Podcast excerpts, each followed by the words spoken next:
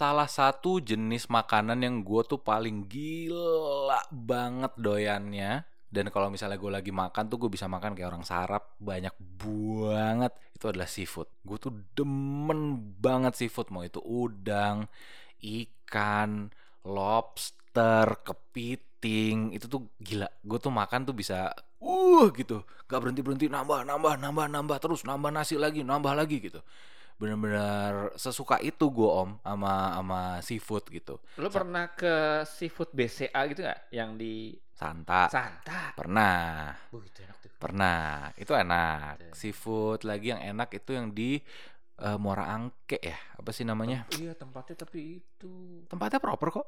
Lumayan. Gue pernah soalnya ke situ kayak mungkin karena penuh banget kali ya, lagi Heeh. penuh banget. Jadi yang itu kan yang jalanannya ini Mhm. sampai yang ada iya agak becek gitu. Oh iya memang, memang. Itu seninya justru makan di pinggir jalan, Pak.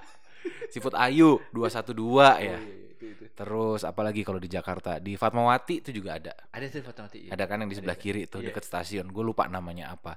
Iya. Di Bali tuh ada yang enak juga namanya. Kalau mungkin selama ini lo ke Bali kan makan paling di Jimbaran kan. Ya. Gue udah nemu satu tempat. Ini kalau misalnya pemirsa ke Bali, lo bisa nih cobain makan di sini. Namanya Seafood Burini. Adanya di daerah Serangan. Oh serangan. Jauh dong pak. Lumayan, Oh. lumayan jauh. Deket-deket Nusa Dua gitu deh dia. Tapi itu dahsyat banget lobsternya tuh bener-bener gede-gede gitu. Gue makan di situ kalau ada yang bayarin, kalau nggak ada yang bayarin gue nggak mau mahal soalnya kan.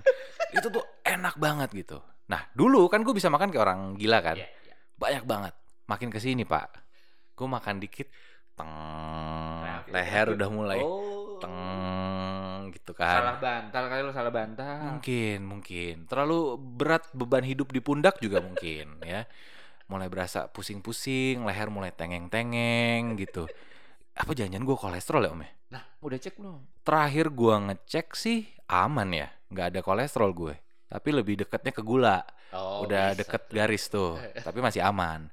Gue nggak ada history kolesterol juga gitu. Cuman kalau misalnya habis makan seafood pusing-pusing gitu bukannya Bisa jadi. ciri-ciri kolesterol ya? Ciri-cirinya sih pasti itu sih. Hmm, hmm, hmm. Tapi sih lebih baiknya sih Prodia sana lo check up lah. Oke, placement.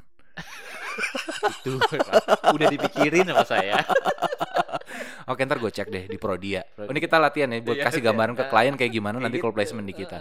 Oke nanti gue cek deh om di Iya. Prodia gitu. Paketnya terakhir ke Prodia tuh cuman murah kok 1,9 tuh udah MCU medical check up tuh. Wih gila itu reasonable dong, Iya harganya oke dong. Buat setahun lo bayar kantor juga bisa. Eh enggak? Bener dan lo bisa cek apa aja di situ. Dia tuh lengkap banget Udah Pak, jangan kebanyakan, fasilitasnya. banyakan, banyakan Pak. Udah. Latihan, latihan. Jangan kalau klien denger, oh kayak gini ada gambaran gitu.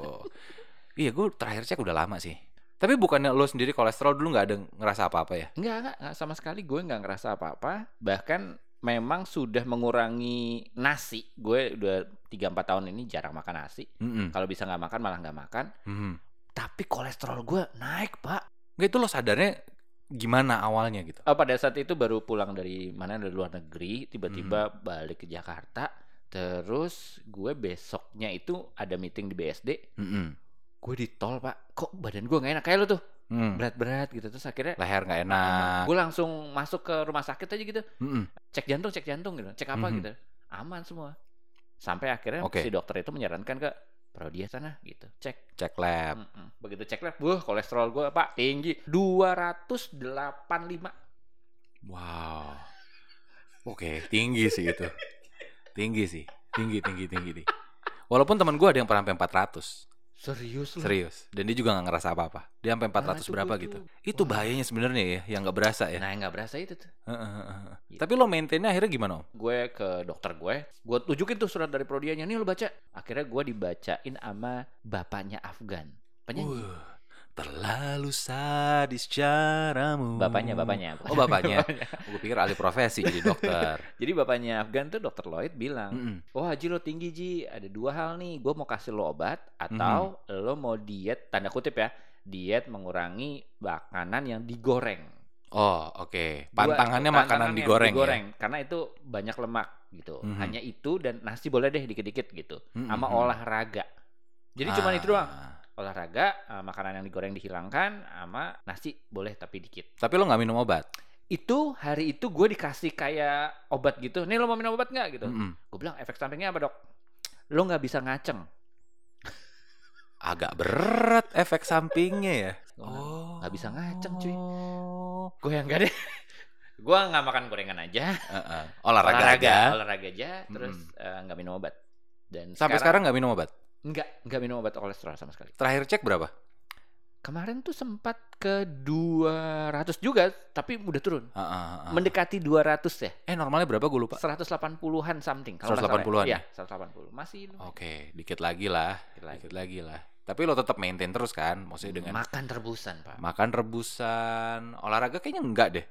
Olahraga kadang-kadang sepeda statis 15 menit lumayan. Ah, lumayan. Lumayan. Yang penting gerak kan sebenarnya. Yang penting badan gerak. Dokter bilang gerak itu yang terukur dan teratur. Nah, lo kalau lo cuman Hmm. nyapu rumah doang tuh 10 menit tapi dengan gerakan yang terukur bisa dimasukkan olahraga. Kalau Hmm. cuma nyapu dan bergerak nyuci mobil gitu nggak masuk.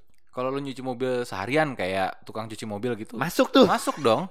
Sehari cuci 20 mobil ter- terarah, terukur. Iya, terukur dan teratur. Heeh. Gitu. Dan terhasilkan, ada penghasilannya soalnya dari situ kan. Olahraga yang hasil. Olahraga menghasilkan asli. Oke oke. Jadi kayak jalan kaki asal rutin terus Rutin. kalau lo ke mall itu lima kali gitu tawaf gitu Hmm, keliling-keliling bisa bisa ya. bisa kan Oke. terukur dan teratur lima kali mall gitu misalnya Plaza Indonesia lo kelilingin tuh Hmm. tapi kecepatannya sama ya Hmm, hmm. habis itu tangkap satpam sih lo Kalau mau tawaf jangan di sini mas, kata satpamnya gitu ya. Aduh, tapi itu waktu itu lo umur berapa om? Lo menemukan akhirnya, oh gue ada penyakit ini nih. ya lewat 30 Setelah ya? mana Setelah 30-an. tiga tiga lima lewat tiga lima lah ya. Hmm, Oke berarti gue harus waspada dong ini ya judulnya ya. maksud lo lo lebih muda dari gue gitu Lo enggak, enggak. Gue nggak bilang gue lebih muda. Cuman kan ya secara fakta aja kan gue 32 tahun ya gitu. Tahun ini kan gue 33 gitu. Kolesterol ya tiga tiga Gue nggak ngecek setelah itu. Jadi pas habis makan seafood itu gue langsung dikasih kan sama temen gue kan. lu minum Gue minum. wah Pantesan efeknya kok sampai sekarang ya. waduh gue minumnya berapa bulan yang lalu sampai sekarang gue nggak bisa ngaceng. Nggak ada yang bercanda, bercanda, bercanda. Semua bercanda. Aduh. Iya, kalau gue nggak tahu nih, gue makanya ntar harus cek gitu ya. Kalau gue mungkin permasalahan yang mulai gue alami dan gue rasain banget tuh bukan ke kolesterol atau apa, tapi penglihatan sih om. Rabun pak Agak, oh agak. Minus gue tuh kan emang gede ya. Gue kan minus enam setengah. Hah? Minus gue enam setengah. gila lo kacamata lo kayak kaca nako tau gak lo Asli ini tebel banget kan. Ini aja udah dikikis nih sama mereka, tetap tebel. Enam setengah. Selama ini nggak dengan gue pakai kacamata, dengan gue pakai kontak lens, nggak pernah ada masalah tuh. Gue bisa ngeliat dengan jelas gitu. Cuman sekarang kok gue mulai ngerasa itu ketika gue baca kabur, tapi bukan kabur karena minus gitu. Hmm. Kalau minus kan lo tahu kan, lo tinggal mendekat, udah, Ya. lo bisa ngeliat gitu. Ini tuh tulisannya samar gitu, blur. oh Apakah gue akan berkurang minusnya karena berplus alias bertambah gue nggak tahu ya seingat gue kalau plus itu di atas 40 bukan ya nggak tahu ya di atas 40 ya? rata-rata sih gitu ya Amin, mudah-mudahan beneran di atas 40. Mudah-mudahan itu cuman gue siwer aja karena ngantuk. Tapi gue ngalamin itu sering sih. Kayaknya apa gue harus cek juga kali ya? cek aja Cek penglihatan ya. Hmm, itu di optik itu melawai Oh, di optik Melawai yang lengkap banget itu kan. Lengkap. Yang produknya kacamata berbagai pilihan lo bisa dapet di situ. diskonnya itu 70% deh terus Wow. buy one get one Betul. Oke. Gila seru banget di situ. Dan berbagai merek internasional ada di Ah. situ. asli lagi barang Asli dijamin nggak ada tuh kaleng-kaleng. Oke, sekali lagi buat calon klien ini kurang lebih nanti kita placementnya akan kayak gini ya. Jadi buat ada gambaran. Nah, tapi kalau lo sama kayak gue, sama kayak Om Puji, kita udah kepala tiga ke atas gitu ya. Ini ada beberapa penyakit yang harus diwaspadai. Oke, jadi harus ditanamin ke diri sendiri. Ingat lo udah nggak muda lagi.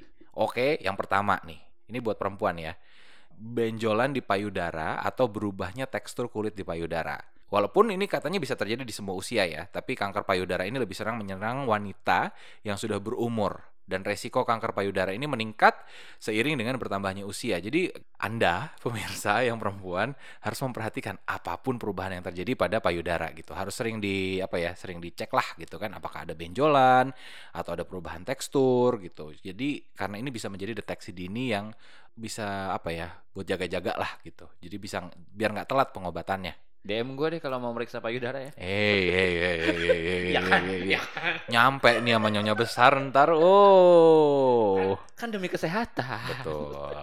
Ya coba nyonya besarnya dibantu dulu lah dicek ya. Yang kedua, kesulitan hamil. Jadi uh, katanya peluang seorang wanita buat hamil ini tuh di pertengahan umur 30-an mulai turun karena kesuburannya kan turun ya kan dan yang namanya kesuburan ideal tuh kan dikaitkan dengan penurunan frekuensi ovulasi, penurunan cairan serviks, kualitas telur yang buruk, terus juga peningkatan masalah kesehatan kronis. Dan bukan itu aja, setelah berusia 30-an, penyebab infertilitas ini juga bisa bervariasi katanya. Ketidakseimbangan hormon, tumor atau kista itu juga bisa jadi alasan Anda itu bisa sulit hamil nantinya. Kalau ada seorang wanita yang ditanya mau makan apa, terserah, terus kita kasih apa, terus dia marah, itu keseimbangan hormon nggak masuk ya? Itu keribetan. itu bisa menyerang wanita di semua usia kayaknya kalau itu ya. Mau makan apa? Terserah. Kamu marah nggak? Enggak. Iya. Yeah. Kalau dia bilang enggak tuh artinya dia marah. Ingat itu baik-baik ya. Terus yang ketiga rambut rontok. Ini gue udah gue belum sih alhamdulillah kalau rambut. Rambut enggak. Lo ngalamin gak sih rambut Enggak, rontok? enggak, rambut ya? enggak. Oh iya rambut lo bagus sih om. Uban. Uban, oh, uban sih gue dari dulu kayaknya. gue baru mulai nih. Gue dari SMP udah ubanan. Tapi emang turunan sih kayaknya ya. Permasalahan rambut rontok ini juga yang harus diperhatikan setelah mencapai usia 30-an. Jadi kehilangan rambut antara 50 sampai 100 helai rambut setiap hari itu emang hal biasa. Tapi kerontokan rambut yang berlebihan karena folikel tidak tumbuh ini dapat menunjukkan masalah yang serius. Jadi uh, stres, terus persalinan juga itu merupakan alasan utama kerontokan rambut berlebih. Jadi satu dari empat perempuan penderita penipisan rambut dan rontok serta sekitar 95% di antaranya mengalami androgenetic alopecia.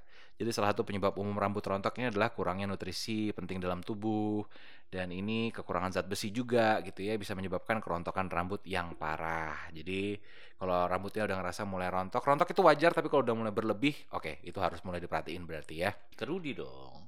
Rudi siapa? Iya, masa Rudi Hoirudin pak? Oh iya betul, masak dong ntar. Rudi Hadiswarno. Iya. Yeah. Latihan placement lagi nggak nih? Iya, nggak usah, Nggak usah ya, nggak usah ya. Oke oke oke. Berikutnya adalah tekanan darah tinggi. Nah, ini teman gue banyak banget nih yang hipertensi. Jadi kelebihan berat badan, terus mengkonsumsi pil KB, atau mungkin yang lagi terapi hormon, itu bisa jadi faktor seseorang punya tekanan darah tinggi. Ada juga yang keturunan sih sebenarnya ya. Betul. Yang memang ada keturunan darah tinggi itu harus waspada, harus mulai diperhatiin, dicek. Karena teman gue juga sama kasusnya kayak kolesterol loh. Dia nggak nggak ngerasa apa-apa, santai gitu. Tiba-tiba dia cek 180 160 apa ya kalau Iya, nggak salah iya, segitu. tinggi, Tinggi, banget tinggi. tapi dia nggak ngerasain apa-apa om Iya, itu dia yang bahaya. itu yang bahaya gitu makanya berarti mungkin kalau udah umur 30-an cek aja kali Check ya up dong. cek berkala di Prodia Iya, gitu di misalnya hmm. dikirim Gi episode ini ke Prodia ya Iya, iya gue kenal kok orangnya. gue kasih ntar gue. Aduh. Terus penyakit lain yang harus diwaspadai kelelahan. Katanya memang kalau udah di usia 30-an tuh lebih gampang untuk mengalami kelelahan. Jadi perlu tes nih untuk mengetahui penyebabnya kenapa gitu ya. Terus berikutnya adalah penurunan penglihatan. Wah ini gue nih. Ini yang gue alamin. Jadi penyebab utamanya karena kekurangan nutrisi pada usia 30-an, kekurangan vitamin A, kekurangan vitamin C, kekurangan vitamin E serta zinc itu bisa menyebabkan penglihatan kabur. Jadi kalau lo mengalami yang gue alamin, coba tuh cari suplemen ya, vitamin A, vitamin C, vitamin E, terus zinc juga. Ini biasanya terjadi di kedua mata gitu ya. Dan jalur visual mata ini juga dapat terpengaruh karena kerusakan di otak setelah stroke. Katanya begitu. Ya masa nunggu itu sih? Janganlah. Jangan dong. Belum terlambat kok. Iya. Walaupun udah kepala tiga, walaupun di usia 30-an, belum terlambat gitu. Om Puji buktinya bisa membuktikan gitu ya. Maksud lo? Akhirnya bisa makan sehat. At least you see on the other side, ya Iya, kan? iya, iya. Lo lihat sisi lainnya bukan, aduh gue kolesterol, tapi at least dengan ini gue jadi makan sehat. Bener nggak? Betul. Betul. Iya kan? Jadi kalau lo tiba-tiba mendapatkan sebuah penyakit, lo stres, wajar. Tapi coba untuk belajarlah dari Om Puji. Lihatlah dari sisi yang lain. Ya gitu deh topiknya. Lanjut lagi yuk di topik Taufik barengan gue, Taufik Effendi.